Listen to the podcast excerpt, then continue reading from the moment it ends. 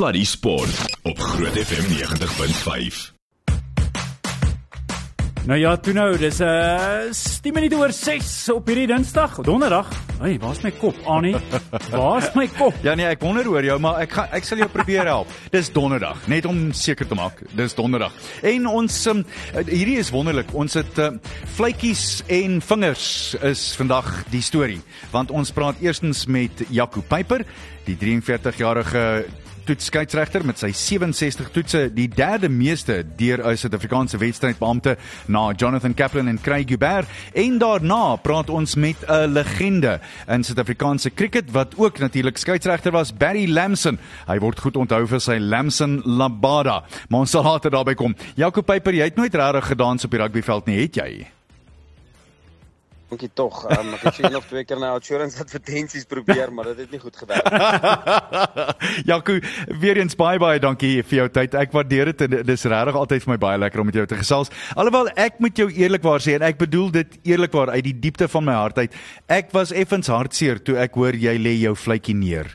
Uh wat het jou uiteindelik laat besluit om nie verder skeieregter te wees nie? Ja, Anne, ek weet nie of almal dieselfde voel as jy nie. Ek dink daar's 'n paar afrigters en 'n paar spelers wat sê jy dis dis hoogtyd. Ehm um, ja, kom ek sê so reg, dis dis 'n sameloop van omstandighede. Dis nie 'n ding wat oor nag gebeur het nie. Ek het met vir 'n tyd lank het ons het ek met my vrou al bespreek en ek het self al gedink wanneer is genoeg nou genoeg. Ehm um, want ek wil graag ook loop op 'n tyd wanneer ehm um, jy weet jy nog 'n aanvraag is en wanneer jy nog in die uh, op topvorm is en ek voel die laaste 4 jaar was my beste gewees uh, van my loopbaan. Ek voel ehm um, ek het goeie diens gegee vir die vir die sport ehm um, en ek het in die laaste 2, 3 seisoene het ek al die finale geblaas wat ek wou en betrokke gewees op elke vlak. So wanneer is genoeg nou genoeg uh, wanneer wanneer moet jou kinders begin swaarder weeg in jou familie, jy weet, meer by die huis is my dogtertjies word groter. So dis 'n dis 'n fyn balans besigheid uitgebrei. So ons het besluit nou is genoeg en miskien die einde van die seisoen was genoeg en met 'n besering wat nou knaand was van die wêreldbeker af het uh, die ding net so bietjie versnel. Ja, eh, net om jy noem jou jou eindstryde, 9 eindstryde, 5 Currybekers, 3 Super Rugby's, 1 Kampioenebekers sowel as 2 Rugby Wêreldbeker kwart eindstryde. Ek weet die, die 6 nasies Kansel Lager Rugby Kampioenskappe as ook 'n toets tussen die All Blacks en die Britse en Ierse leeu's. Daar was soveel hoogtepunte. En, en ek sit jou nou seker so effens in die moeilikheid, maar sonder vir ons 1, 2 of miskien selfs 3 uit wat jy eendag vir jou dogtertjies se dogtertjies op die stoep gaan vertel as oupa in die reistool sit. Ja, as jy vir jou dogtertjies moet vertel, moet jy nie vertel wat goed gegaan het, nê. Nee. Natuurlik ja. Waar jy nie deel was van die van die aftermath of so nie. So vir my sal uitstaan daai ehm um, daai Britse Lions uh, All Blacks toets in 2017 die eerste een. En bloot oor die die die okasie, hoe groot die geleentheid is en hoe baie aandag daai Britse media onthou. Dis nie twee lande wat teen mekaar speel nie, dis basies vier lande teen een. Ja. Mm. So in die hele wêreld kyk, vir gewoonlik as as twee nasies teen mekaar speel, dan trek jy twee nasies en 'n paar neutraal is. Nou trek jy vier lande en jy weet wat die vyfde een wat teen hulle speel. So dit die aandag in die media is baie groter en dit is 'n groot geleentheid. En as jy mens kyk hoe daai reeks uitgedraai het met al die kontroversie in toets 2 en 3 Ehm um, die Sunnybull Williams is afgestuur ja, ja. en in in in 'n in 'n reën giet in 'n reën game waar ek ook op die vlag was en die finaal die finale wedstryd die derde een wat gelyk op was in in die kontroversiële oomblik reg aan die einde van die van die wedstryd. Ehm um, was dit daai hele reeks as mens terugdink in in my wedstryd het so lekker uitgespeel mense net gepraat van die rugby ja. en van toets 2 en 3 af is dit oor klomp ander dinge. en die en en hoe die mense hoe die spanne hulle self daai dag hanteer het in die in die in die in ehm um, die skill vlak as ons so kan sê in die voet wat teen daai wedstryd gespeel. So hy staan vir my uit. Ehm um, die Wêreldbeker openingswedstryd hierdie jaar staan vir my uit. Hmm. Jy weet as dit jy vat dis twee van die twee van die drie gunstlinge op daai stadium wat teen mekaar speel. Ehm um, in die openingswedstryd dit het nog nie gebeur nie. En uh, van tevore nie en al die aandag weer eens wat saam met dit gaan en ons het weggeloop van daai wedstryd af en ek dink ons jy weet dit ons het goed van hom waar weggeloop waar dit baie maklike 'n baie jy weet 'n uh, moeilike wedstryd kon gewees het en ek dink ons het aan die ander kant uitgeloop redelik gebalanseerd. Ja. So dit dit was regtig ehm um, dit was regtig vir my een van die een nog een wat ek sal vir altyd onthou. En dan uh, ek dink die Europese beker eindstryd ehm um, die Heineken Cup die kwaliteit van daai wedstryd weer eens in die twee helftes. Die een helfte Leinster die tuisspan iets vreeslik. Um, jy weet 'n keer gegaan hulle 3-3 gedruk in omtrent 12 minute dink ek en hulle was vinnig 19-0 voor en hoe La Rochelle teruggekom het en daai wedstryd op sy kop gekeer het en op die einde gewen het met 2 punte in die laaste jy weet in die laaste 10 minute van die wedstryd. So dit was 'n hoë en 'n kontras in spanne. Die een het vinnig en spoed en die ander is 'n is meer is is 'n sterk fisiese span en hoe hulle daai wedstryd beheer geneem het. So dit was regtig vir my dis iets wat ek altyd sal onthou. Jacques so gepraat van Leinster, is daar 'n spesifieke oud uurse losskakel wat op jou Kersfeeslysie is? ek weet nie, maar ek is verseker op sy lewe. ek kon, kon julle ooit oor daai ding praat, Jacques of nie regtig nie? Nee, nee, nee, die geleentheid nog nie voorgedoen nie. Hy het my uh, nadat het hy my gekontak en ja. boodskappe gestuur en so voort, maar ehm um, met die wêreldbeker wat jy weet op nadat uh, wou ek nie werklik hierdie ding verder laat ontwikkel nie want mm. ek moes Ierland dalk blaas ensovoorts maar nee toe toe be fair hy het hy het probeer kontak maak en hy het 'n boodskap stuur en ek het geantwoord kom ons laat dit daar en ons gaan aan. Um, ek wou nie bagasie vat in 'n wêreldbeker ja natuurlik. Dis natuurlik een van die dinge wat ek, ek weer eens um, dit klink nou of ek uit die voorsitter van jou fanklub is maar jy het altyd vir my regtig baie gebalanseerd voorgekom uh, as 'n persoon en as 'n skeieregter. Is dit 'n ding wat wat jy altyd gehad het of is dit iets wat jy moes kultiveer Jong, my pa sal ons gesê het hy het dit aan my ingedonder vir klein was, maar nou ja, aan toe ek ek ek, ek dink dis iets wat jy met ervaring beter doen. Hmm. Ehm um, ek dink dit dit maar dit is een van die belangrike goed as jy 'n skeieregter is is nie om alles reg te kry nie, maar om om regverdig en gebalanseerd te wees sodat beide spanne voel hulle kry eweveel ehm um, van die jy weet hulle word eweveel van die kaarte gedeel en soortgelyke kaarte gedeel. So ek dink nooit mens kan perfek wees nie, maar ek dink jy kan altyd gebalanseerd wees. Steven het net nou in ons nuusbulletin baie interessante storie gehad. Luister en ek ek neem aan jy weet hiervan, maar net vir die luisteraars wat miskien bietjie laat ingeskakel het. Ja, 'n persoon in Australië is verskyn binnekort in die hof nadat wêreld rugby opgetree het en dan vervolgens is ook hangende in Suid-Afrika, Nieu-Seeland, Brittanje en en en in Frankryk wêreldrugby tydens die toernooi vennootskap aangegaan met 'n aanlyn moniteringsagentskap en meer as 6000 ag 600 kwetsprofiele op sosiale media dan nou geïdentifiseer. Jaco, ek dink jy weet sal sal ondersteuners sal die publiek ooit werklik verstaan deur watter tipe uh uh jy weet hierdie hulle praat van online abuse sal gaan skeieregters voor en na 'n uh, wedstryd? Yes, ek dink ja, dis dis is uniek want eh, veral in rugby omdat een man 30 manne beheer word hy baie maklik geblameer. En ek het onlangs baie onlangs in een van ons hoofstroom media uh onderhoude vir die ou wat hy het my gevra wat is vir jou moeilik om te aanvaar? En vir my is een van die goed ek het ek het al een as ek die as ek die bal laat val, is daar niemand wat hom kan optel en paas vir sy maat en nog steeds die 3 druk. Jy weet so mm. Ons kan nie regtig ons foute toesmeer. Um, of 'n fout jy weet dat jou spanmaats dit regmaak vir jou nie. So vinnig nie en, en en dan gaan dan druk jy nog steeds die 3 of jy's nog steeds goed nie. So is die een ding maar wat vir my baie keer moeilik was om te aanvaar. En jy dit word beter mens soos jy rol besef van rugby, maar gereeld het ek gesien dat spanne met 'n oop doellyn nie nie die bal aangee nie. Dis uh, formaliteit, trek en pass en hulle gaan oorgaan en gaan 3 druk. Dan is daar later weer 'n geleentheid waar hulle op pad doellyn toe die bal laat val in 'n mol, jy weet in plaas van dat hulle 3 druk. En dan is daar eh, later in die wedstryd in die 70ste minuut of so een strafskop wat hulle oor debatteer, maar dan is dit die skeieregter se skuld. Jy weet ons verwys nie na daai twee keer wat hulle nie oop die lyn of die bal het val het nie, weet en dit is dit is iets wat vir my moeilik was om te aanvaar en dit bring baie dit lok baie van daai eh, mense is opgecharge, is hulle spanne en ek ek het dit later in my lewe daarin besef en aanvaar dat as die Springbokke speel is ek net so lekker opgecharge. Jy weet so dan, dan wil ek ook sommer die ref pak slag gee. So as ek so voel, hoe moet die mense by die huis nie voel nie wie wie glad nie as skeieregters is nie. Ek dink nie altyd mense besef hoe moeilik julle werk is nie of in jou geval was nie. Jaco, ek dink altyd dit moet bitter moeilik wees om equilibrium te hou en en as een span aanhoudend aan jou torn. Dis die ander ding. Waar ek meen ek ek weet vir 'n feit in die ouer dae het het het skeieregters begin omdraai teen spanne want die ouens voeter aanhoudend met jou. Ek weet dit is nie so van dat dit 'n professionele of 'n beroep het begin word dit ja. nie. Maar mense kon dit gereeld sien op die veld in die ou dae, nie waar nie? Ja, ek dink die met die professionele spel en die dat dit so uh, veel ekstra kameras is ensovoorts is is daar is daar soveel meer blootstelling so skeieregters moes ook partytjie toe kom en gebalanseerd bly. So ek sê ook mm. dat die eerste ding wat 'n skeieregter moet doen is hy moet die spelers se veiligheid verseker. So dit help nie dit is 'n baie mooi wedstryd maar iemand breek sy nek nie. Ja. Ehm um, so ons ons moet doen wat ons kan om dit veilig te hou vir die spelers. En daarna moet ons hou dit gebalanseerd of regverdig hou dat albei spanne eweveel kry. So maak nie saak wat jou interpretasie is van 'n spesifieke reël wat subjektief is nie, maar gee vir beide spanne dieselfde.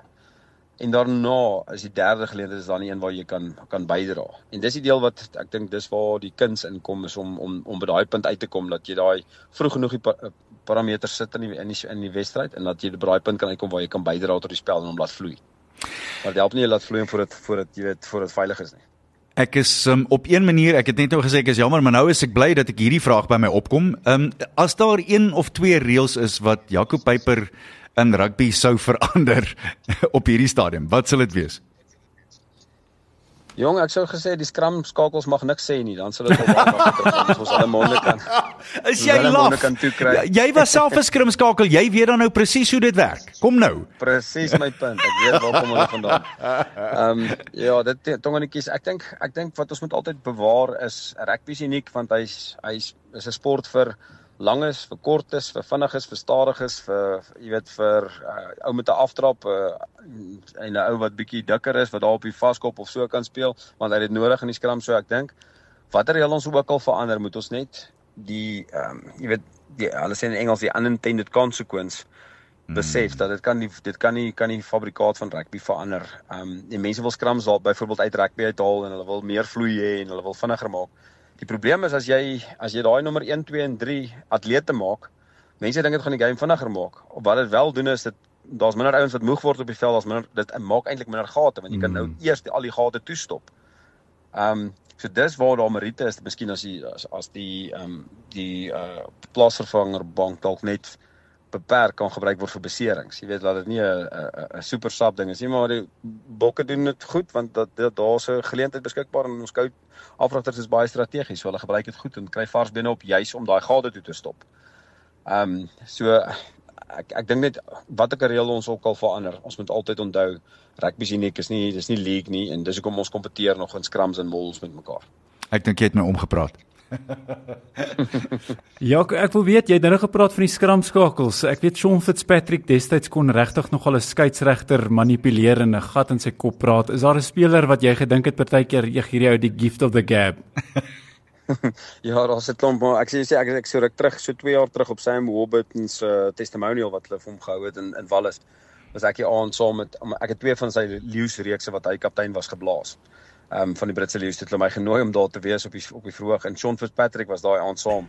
En ek sê sê hy het my daai aand my ore opgeëet, so ek weet nie wat sou hy gemaak het om hom druk op rugbyveld nie. Ehm um, maar fantastiese ou ook. Ehm um, ja, daar is ouens, ehm um, ek sal versigtig wees om van die van die spelers uit te, jy weet, uh, uit te wys wat nou nog speel, want hy kan dalk nog ergens betrokke wees. maar jy jy het jy het definitief ouens wat En die beste ouens doen dit op so 'n manier dat dit eintlik humor is. Jy ja. weet, maar hy los plant tog plant tog 'n saadjie wat agter in jou kop weet vir 'n rukkie hang of so. So ek sal sê 'n ou soos Dwayne Vermeulen was baie goed daarmee. Hy kon 'n boodskap deurkry by 'n skeieregter sonder om sonder om te veel te lank te praat en hy kon hom 'n boodskap by hom los. En 'n ou soos John De Villiers was baie goed en dis hoekom ook hy ook spring kaptein was en leier was. Hy kon regtig 'n goeie die verhouding masseer op die veld sonder om jy weet terwyl hy nog steeds genuine is. John Smith was so 'n goeie kaptein geweest. So ja, daar's baie ouens wat regtig ehm um, wat net so in 'n gesprek en as hy wegloop en dink jy, "Ooh, hy het my iets gelos om oor te dink." en dan natuurlik daarbey saam moet mens sê, ek dink Dwayne Vermeulen is nogal 'n imposante figuur as hy so oor jou staan. Jy's ook nou nie met groot respek die, die langste ou in die hele wêreld nie. Dis nog erger nie waar nie? Ja nee, en as hulle van agter af kom en dan voel, dan voel jy daai voetstap, jy weet hulle sê mos altyd die heard the footsteps. En jy kan jy kan daai voetstappe hoor op die grond so dan. Uh, Maak ou maar dat jy die skare weer uitkom. uh, Jaco, die um, baie mense en Suid-Afrikaanse rugby het ook natuurlik uh, oor die nuusvrystelling toe jy besluit het jy gaan tuig neerlê. Uh, die volgende geskryf: Piper is in 2023 verkies tot die eerste bestuurskomitee van die internasionale rugby wedstrydbeamptes liggaam wat die belange van die top manlike en vroulike beamptes op die internasionale verhoog dien en jy het ook gewerk met uitsaaiers en laat ek eerlik wees, ek het bietjie kennis daarvan. Ek dink die uitsaaiers kan self 'n bietjie amok maak as hulle nie die reëls in in, in die wette ordentlik verstaan nie. En ja. om te help om begrip van die skeieregters in die wette te verdiep. Hoe hoe lyk daai dinge en gaan jy betrokke bly daarbey? Ehm um, vir nou vir eers, ehm um, die grondwet moet jy aktiewe skeieregter wees of daar is een portefeulje vir 'n vir 'n recently retired ehm um, jy weet as beskrywing om op daai komitee te bly. Ehm um, dit word tans deur 'n deur een van die ander ouens uh, gedek daai portefeulje. So ek staan nou terug. Ehm um, en hulle het my gevra of kan hulle my nomineer want die verkiesing is weer binnekort vir die recently retired. So ek dink hulle sal my en Wayne Barnes dalk altyd daar gebruik die die hele doel van hierdie uh, van hierdie komitee is maar dieselfde as die spelersvereniging is 'n is 'n skeieregtersvereniging net om seker te maak daar word in al die lande op dieselfde manier gekyk na die ouens. Jy weet dit gebeur baie dat ek wil nie 'n lande noem nie, maar dat land X is 'n manne gaan na 'n plek toe, maar hulle word heeltemal anders benader deur hulle unie as wat die ouens van land B se uh, benader word. So die een het baie gunstige omstandighede en die ander een is 'n uh, uitdaging om te bly presteer. So hulle wil eintlik maar net so. maar soos wat enige so Sarpa of so wat noem mense dit is my players die mm. beste vir hulle spelers wil hê. Maar ek dink nie dis nice to have nie. Ek dink dis net dat almal dieselfde basics uh het dat hulle 'n hoë prestasie omgewing het. Uniformheid uit met ander woorde. Ja, en ja. in die, in die welstand van die ouens. So jy kan mm. jy kan nie een een lot van die ouens uh, weet 40 weke van die jaar op die pad sit en die ander lot net 20 nie. So daar moet daar moet 'n standaard wees wat en wat wat wetenskaplik en met data bepaal is waar waar is daai draaipunt van die welstand. Hoe sal 'n week lyk vir 'n internasionale skeieregter, 'n tipiese week voor 'n toets? Jong, alweer blaas jy want jy moet maar vroeg begin wegkruip as al sekere manne afrigters is. Nee, ek spot ehm um, tipiese week is uh, 'n skeieregter wat by toets aankom word nie meer fiks nie. So hy sal sy standaardprogram hê die week. Hy sal maandag aan iets werk, jy weet die fisiese aspekte. Hy sal 'n program hê en sy fit sy ehm um, fiksheid onderhou soos soos toetsspelers. Daar gaan nie groot fitness sessies wees nie, maar jy gaan onder, onderhou doen en jy gaan die regte gym werk doen, die regte spoedwerk hierdie week. So daai is deur die week beplanning. Dan sal daar tegnies vroeër in die week ehm um, gewoonlik mag ons vir die vaste fasette met die spanne praat. Op 'n Dinsdag is daar 'n uh, vergadering wat die die skeieregter of die afrigters mag belê saam met die skeieregter bestuurder plus die skeieregter. En dan kan hulle praat deur hulle mag 'n maksimum ek dink van 5 uh items um lys en van elke kan hulle kan hulle sien maar 'n video uh greep stuur wat mense dan bespreek en net laat daar duidelikheid is. Maar die skeieregter mag self dieselfde doen ook. So vroeër in die week is tegnies en dan meeste van die ouens wil dan in die middel van die week dan gaan dit 'n bietjie meer takties, jy begin bietjie meer oorweeg hoe speel 'n span, wat is sy manier van speel. Ehm um, dat jy verstaan wat gaan vir jou afspeel in die uh, jy weet op die naweek, wat probeer hierdie ouens bereik. Dis 'n span wat vinnig speel van elke breekpunt af vinnige lyn staan het. En hier is nou 'n ander span wat hoog skop en en strangle. Waar is die brandpunt? Hierdie die een span gaan nie dieselfde plek fokuspunte hê as die ander span, as jy verstaan wat ek meen. Hmm. So dis daai gedeelte en ek dink hier nader aan die spel met hy hiervan elke ou is anders. Party ouens eers op Vrydag wil afskakel en tussen niemand weet jy party ander ouens wil Vrydag 'n uh, rustige stildag by homself hê, maar elke ou is uniek en dit is maar meer die die mental kant van die van die spel. So daai is jou vier bene waarop hoë prestasies skeieregters deesdae werk is is 'n tegniese been, 'n taktiese been, 'n fisiese been en dan uh, natuurlik die mental toughness of die mindfulness en mindset been. So sou jy byvoorbeeld die spanne ook geanaliseer het soos wat die die opponente mekaar nou sal 'n video analise doen, sou jy dieselfde dan gedoen het om te kyk watter span het watter tipe reputasie vir 'n oortreding. Uh yes. doen alle skeieregters dit? Ja, ons doen dit en ek dink daar's 'n risiko in over analysis want dit moet eers weer gebeur. Maar as jy verstaan waarop wat 'n pan 'n uh, uh, span se spesifiek spesifiek probeer bereik deur hulle meeste van hulle DNA van die span, dan sal jy weet wat waar kom die brandpunte. Sit 'n span is wat baie van 9 af skop, dan moet jy weet hy uit 'n link 'n linkervoet 9, ehm um, die brandpunt gaan kom by by daai lang raks wat hulle van voor hulle skop van die buis van die rakke af gaan jy hmm. weet die Eben Etzebeth tipe speler gaan daar baie druk op sit. In plaas van 'n span wat vinnig speel is, gaan hulle dalk nie daai daai opstel, daai formasie nie. So jy weet die onkant is meer belangrik daar waar die 9 is as waar 'n span wat vinnig speel waar hulle gaan try probeer op die derde of die vierde vierde verdediger afhardloop en daar gaan jou brandpunt meer daar wees. So dit gee jou net 'n idee waar moet jou oë vinniger uitkom. Ja. Ek wil ook dan net vra as 'n as 'n stoere Vrystater gaan jy dan so 'n bietjie um, skouer bysit by die die Cheetahs um, as hulle hulp nodig het vir die verdediging van die Karibeker vanjaar. Jaco? Man, dis uh, so as hulle my vra as ek altyd maak nie saak watter span my vra nie, as hulle my vra as ek altyd uh, iets teruggee vir die game. Die rugby was regtig goed vir my en my familie. So ek sal al het ek nou al is ek nou weggestap as 'n aktiewe skeieregter daar's nog 10 ander maniere om betrokke te bly by ja. by rugby en ek het in my vroeër vroeër loopbaan het ek by ander maniere ook betrokke gewees by rugby by spanbestuur en so voort. Ehm um, en by ehm um, afrig by la, by 'n laerskool, jy weet en daai goedjies. So maak nie saak wie vra nie, ek sal altyd graag vir ek weer teruggee. Net vir ons tot sien sê vir Jaco net vir ons luisteraars wat miskien sou weet op hierdie stadium by Supersport Park in Centurion, my Cape Town wat eerste kof teen die Pretoria Capitals en Ryan Rickleton is besig om die bal na alle dele van die park toe te slaan. Hy het nou net 'n 91 meter lange 6 geslaan en op hierdie stadium is hulle op 'n 125 vir 2 en hy kof op die oomblik saam met Jong Dewald Brewes wat self 10 20 eh, balle van net 10 afleweringe gehad het. Ek uh, noem die cricket hier Jaco want ek wil klaarmaak deur vir jou te vra. Uh, daar daar is baie mense wat Suid-Afrika verlaat en nooit weer terugkom nie. Maar jy was nog altyd 'n uh, ou wat Suid-Afrika huis genoem het en wat is vir jou wonderlik van Suid-Afrika?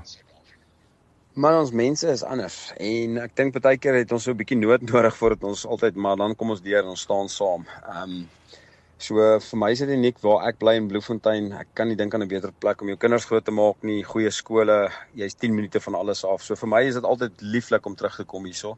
Maar is ook vir my lekker om te land in Johannesburg en stap in en jy weet die, ons mense is net anders. En ja, ons het ons dingetjies, maar as jy vir so 12 weke in 'n plek soos Frankryk bly, dan sal jy maar sien hoe baie hulle mense stryk. En jy sal maar sien hoe baie moeilikheid hulle sosiaal en polities het.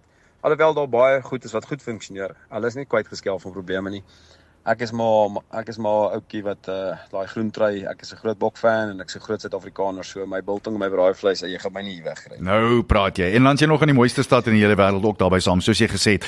Laastens, uh ons praat net nou met 'n uh, ou wat bekend geraak het vir die Lamson Lambada, Barry Lamson, 'n uh, voormalige cricketskeieregter. As jy 'n vraag sou gehad het vir 'n cricketskeieregter wat jy ga, wou gehad het, ons moet hom net nou vra. Wat sê jy cricketskeieregter vra, Jaco? Jesus nee, ek weet nie hoe kry hulle dit reg dat die TV umpire alles reg kry nie. Ons kry dit reg. ons eendag kom. Ek sal dit vir hom vra. Of kan ons ook daai Hawkeye mat vir die LBW kan ons hom ook kry vir as hy ou kom te bepaal of hy offside is of so. Uh, pragtig, dis baie mooi. Jaco Pyper, altyd 'n groot plesier om met jou te gesels. Baie dankie vir jou tyd. Ek weet dit is waardevol, maar gaan geniet daai familie en geniet jou tyd uh, in in aftrede. Maar ek weet jy is nie ou wat lank gaan rondsit met jy het allerlei dinge aan die gang. So sterkte daaraan. Baie baie dankie vir jou tyd. Wees geseënd. Dankie en ek waardeer elkeen van julle wat op 'n stadium in my loopbaan verbygeloop het en op die skouer geklop het en gesê het, "Man, gaan aan, dit raak taai, maar ek belowe vir julle 90% van skeieregterskap is regtig 'n voorreg en 'n wonderlik. Jy sien die wêreld maak goeie vriende, so moenie glo as hulle daar buite vir jou in die dokumentêr nie goed sê dis net sleg nie. Dis 10% van die van die job. Ons hoor jou. Jakob, baie dankie weer in sterkte ou maat. Mooi bly. Dankie, mooi bly. Bye bye. Selfde.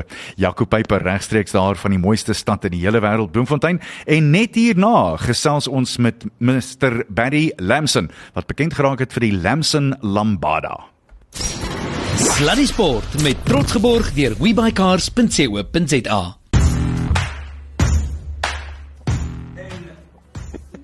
Dis nou baie lekker om vir Barry Lamson welkom te heet. Uh, Barry, um, the interesting thing is, I, I'm sure you weren't listening to us down there in Cape Town. We've just had a lovely interview with the retiring rugby referee, uh, uh, Piper. So um, we're calling this program tonight here on Slidey Sport Whistles and Wickets. Barry Lamson, former cricket umpire, five test matches between 92 and 95, 35 ODI games and 148 first class matches.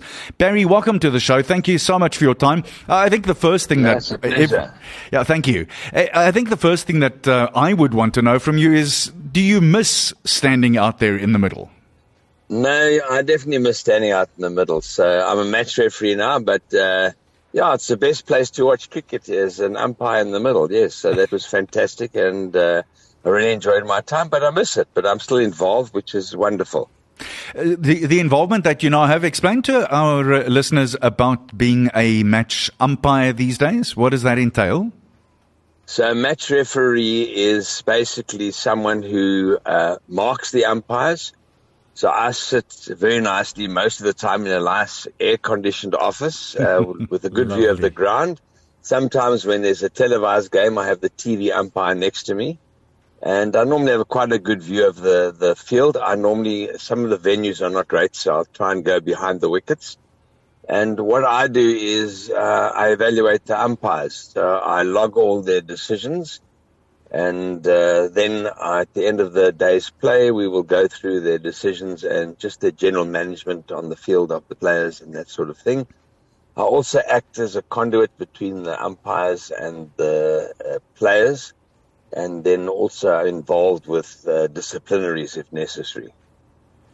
Barry, you were involved in the uh, first match since uh, readmission, South Africa versus India, 1992.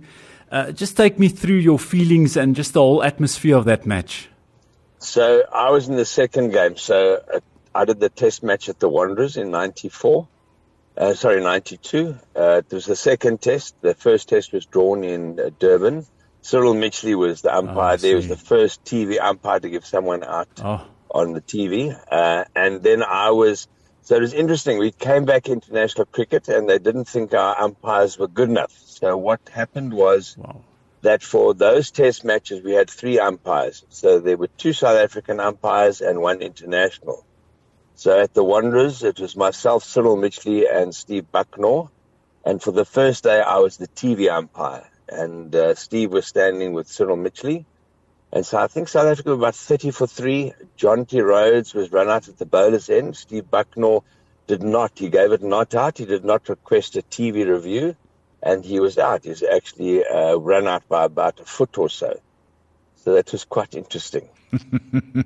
Uh, but uh, let's be honest. I think our I remember even as a kid thinking that our umpires in South Africa, like our cricketers were, were world class, isn't it? Yeah, so that was strange. So the, we started that, that test series. I think we won 1 0. We, uh, South Africa beat India in the, I think the f- third test in PE. And then I did the final test where South Africa, Kepler didn't want to lose, uh, didn't want to draw the series 1 all. And uh, the Indians didn't want to lose one uh, more than two, uh, 1 0. So that was strange. But it was, yeah, it was a good start. And uh, our, our umpires did well. We had Cyril Mitchley, we had uh, Carl Liebenberg, uh, Rudy Kutzen, and Wolf Diedrichs. We stood in those series with uh, David Shepard. He was the international umpire, and uh, uh, Steve Bucknor was the other one. My goodness, you are bringing back some memories. Just uh, take us back. Uh, you, you obviously must have spent quite a bit of time out in the middle, having to uh, umpire one Clive Edward Butler Rice, if I remember his names correctly. He was one tough guy, wasn't he? Uh, Clive was interesting. He was a great competitor. He obviously because of isolation, we missed a long time, a lot of test match. Uh, he missed test matches, and we had a great era then. The Graham Pollocks, the the, the Barry Richards. Uh, he was a very tough captain. I remember him um, uh, umpiring him, and uh, used to mark us as you used to get like sixty percent for every decision, uh, or, or for LBW's caught behinds. If you got one wrong, you got 40%. If you got two wrong, you got 20%. If you got six right, then you uh, still got 20%. he was a very hard taskmaster. He was a brilliant bowler, very clever, very good bowler, very good batsman. I know one game he sent two EP players to hospital. Yeah. Oh. I remember that. Uh, Wow. And as you said, he he just he was a very good captain, and yet we had that wonderful side. The Mean Machine would have beaten most international sides in the seventies and eighties, and uh, but a hard taskmaster, but a wonderful person off the field, actually, and he was a wonderful man. And it's a pity he missed out on the international cricket. Indeed, but then so many as those names that you mentioned. I mean, Jeeps, uh, Graham Pollock. The the list is endless. Uh, the, just Eddie Barlow. Uh, we can carry on forever.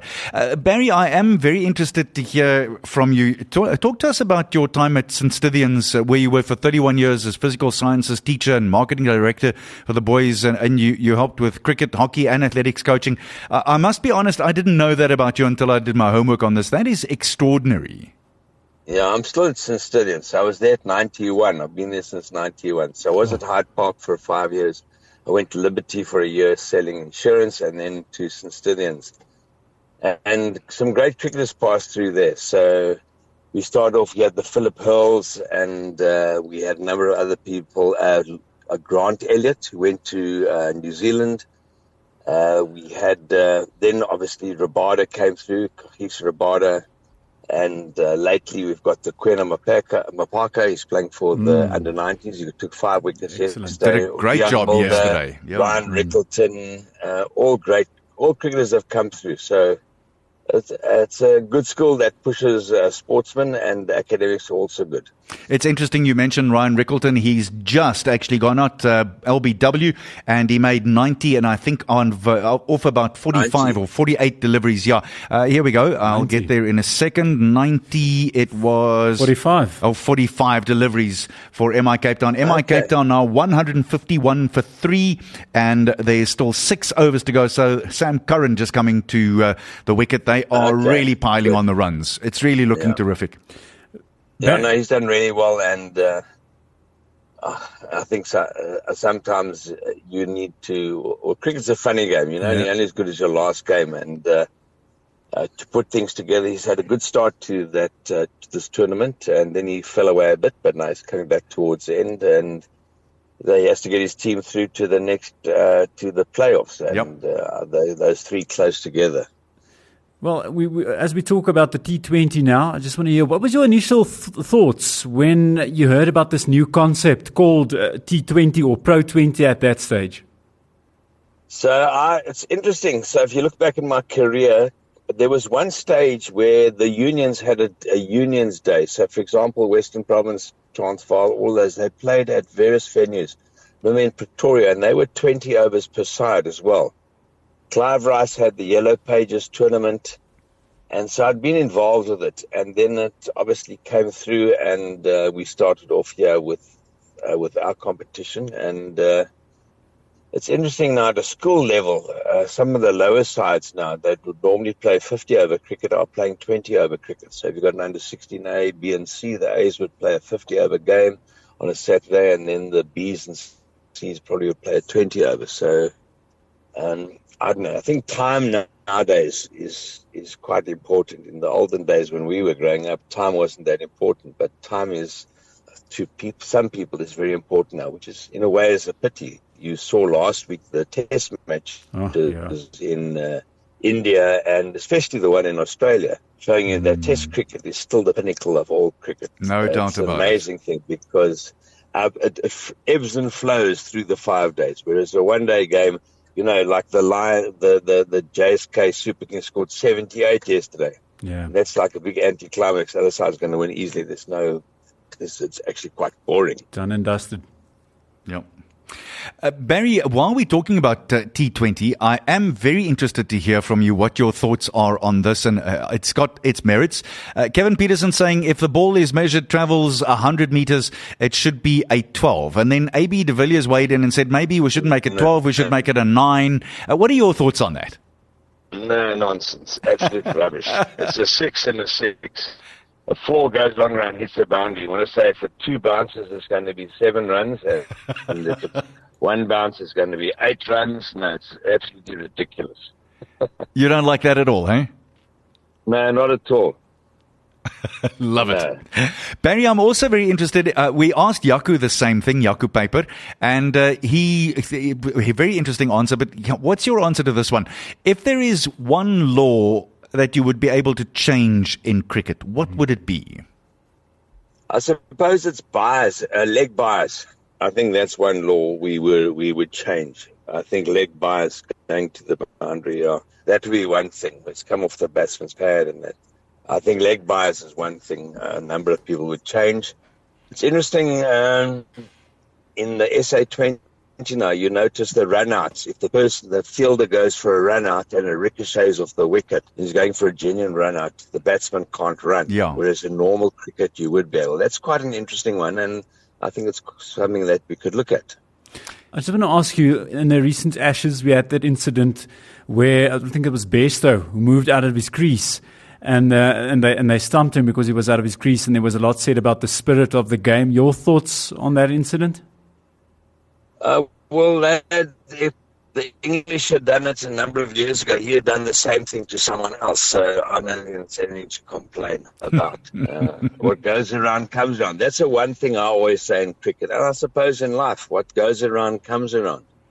Yeah, it's, it's, it's quite ironic when the spirit is there when they are uh, influenced the English, but Yes. uh, suddenly when they, when it's on the other foot, then the spirit like is, is that. back When again. it suits you, Yeah. it's fine. We'll do that. But it doesn't suit you, then we won't do it. Yeah, yeah. yeah, and I guess it's it's that one-eyed partisan thing uh, more than anything yes, else. oh no, definitely, definitely. Barry, I'm And I also think South, Africa, yeah. South Africans, we've also one-eyed. Oh yeah, yeah, yeah. when we we, all watch are. our rugby play and the referee and the referee is useless, especially he's blowing against us, and suddenly gives us a penalty and we he, he's our favourite. Yeah, yeah, Yeah, yeah, yeah. Exactly.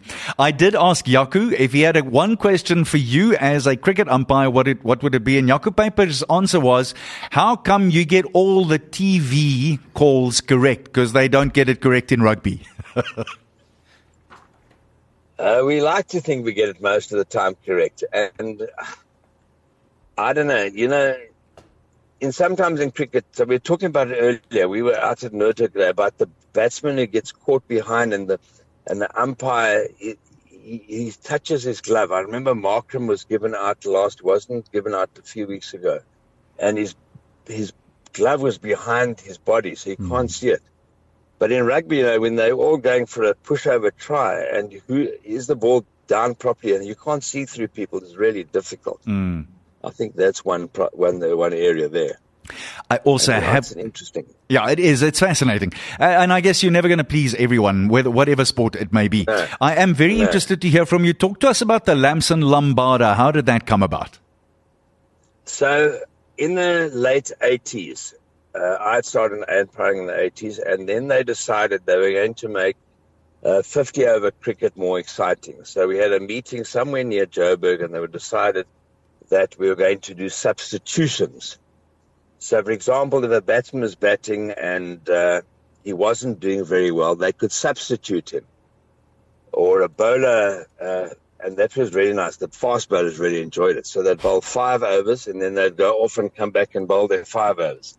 And they substitute. And then I decided I'm going to, so we had to do a special signal.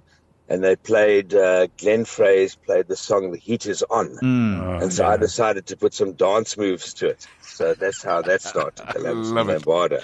Absolutely loved it. It was so refreshing. And and as I said to you on Facebook earlier on in the week, I I miss those sorts of umpires. I think it's got a little stayed in some ways with great respect to the people who are out in the middle. Lastly, before we I- say, yeah, s- I'm, I'm listening.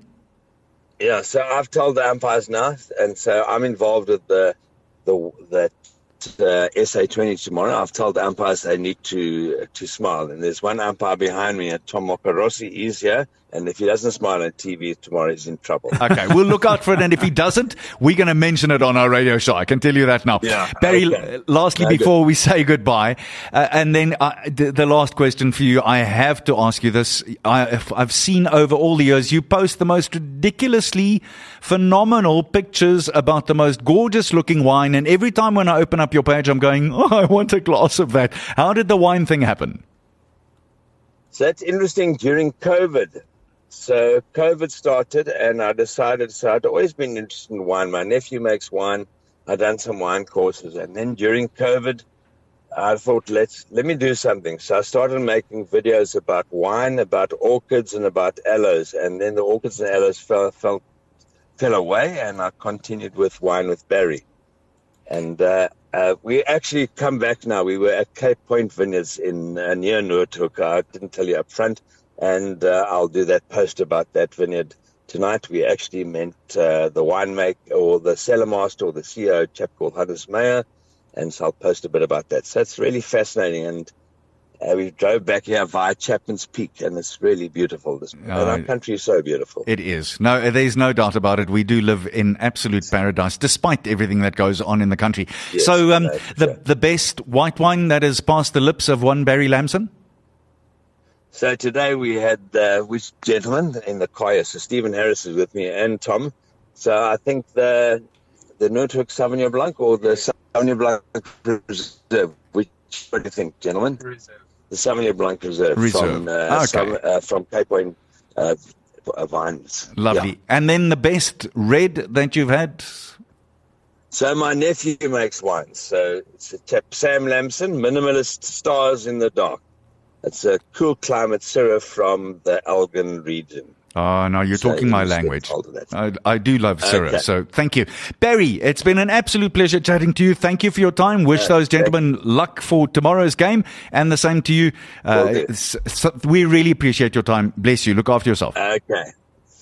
Th- Thanks very much. Have a good Thank- evening. and you. Thanks Cheers, very bye. cheers. Barry Lamson regstreeks daar van uh, die Kaap af en jy kon hoor die sein is nie heeltemal so lekker geweest daar nie en nie maar wat 'n wonderlike dag was dit nie geweest nie. So vandag se program Whistles and Wickets en Ja, ek sê. dink dis net omtrent dit. Net so terloops voor ons gaan ag een of twee manne wat uh, die bal laat val in die skare Oh. en daar's 'n hele paar kansse geweest om net- deel te wees van die net 2 miljoen rand. Ja, dis dis al wat dit is. Ja. So my Cape Town op hierdie stadium 182 vir 3, Jong Brewes op 36 van 20 af van Sam Curran 18 van 6 af en daar is nou 4 beurte oor hulle kof teen amper 12 per balbeurt. Sporthoogtepunte môre is dit die SA onder 19s cricket eh, wêreldbeker. Hulle speel teen Sri Lanka. Daai wedstryd begin om 10uur en Looi hom boys, looi hom. Nee, kyk vir Steve Stoke, nee, hy mm. maak skade die man van Pretoria. So Ja. ons hou duim vas dat hy weer soortgelyk kan doen. En uh, dan uh, Saterdag 10uur, uh glo dit of nie, maar Bafana Bafana is deur na die kwartfinaal van die Afrika Nasies beker. Hulle speel Saterdag 10uur. En uh nee man, ons moet uh, duim vasvou. Hulle Ja, wonder bo wonder, hulle het vir Marokko geklop, die gunsteling om die toernooi te wen. So wie weet, dalk dalk Saterdag aan 10uur speel hulle teen Cape Verde en uh, ons wens hulle die beste toe. Annie, dankie man. Dankie, dit was lekker. Nou het ons uh, weer die skeieregters aan die kant. Uh, die die mense is Aan nou weer die skeieregters se kant. Mm, Nee, ja. gelukkig. Daar's hulle is ook mense, hulle is ook Regtig? Oor hier was Larry Sport geweest met komplimente van uh, WeBuyCars, WeBuyCars, Suid-Afrika se nommer 1 aankoopdiens by By verre. Sluddy Sport met trots geborg deur webycars.co.za.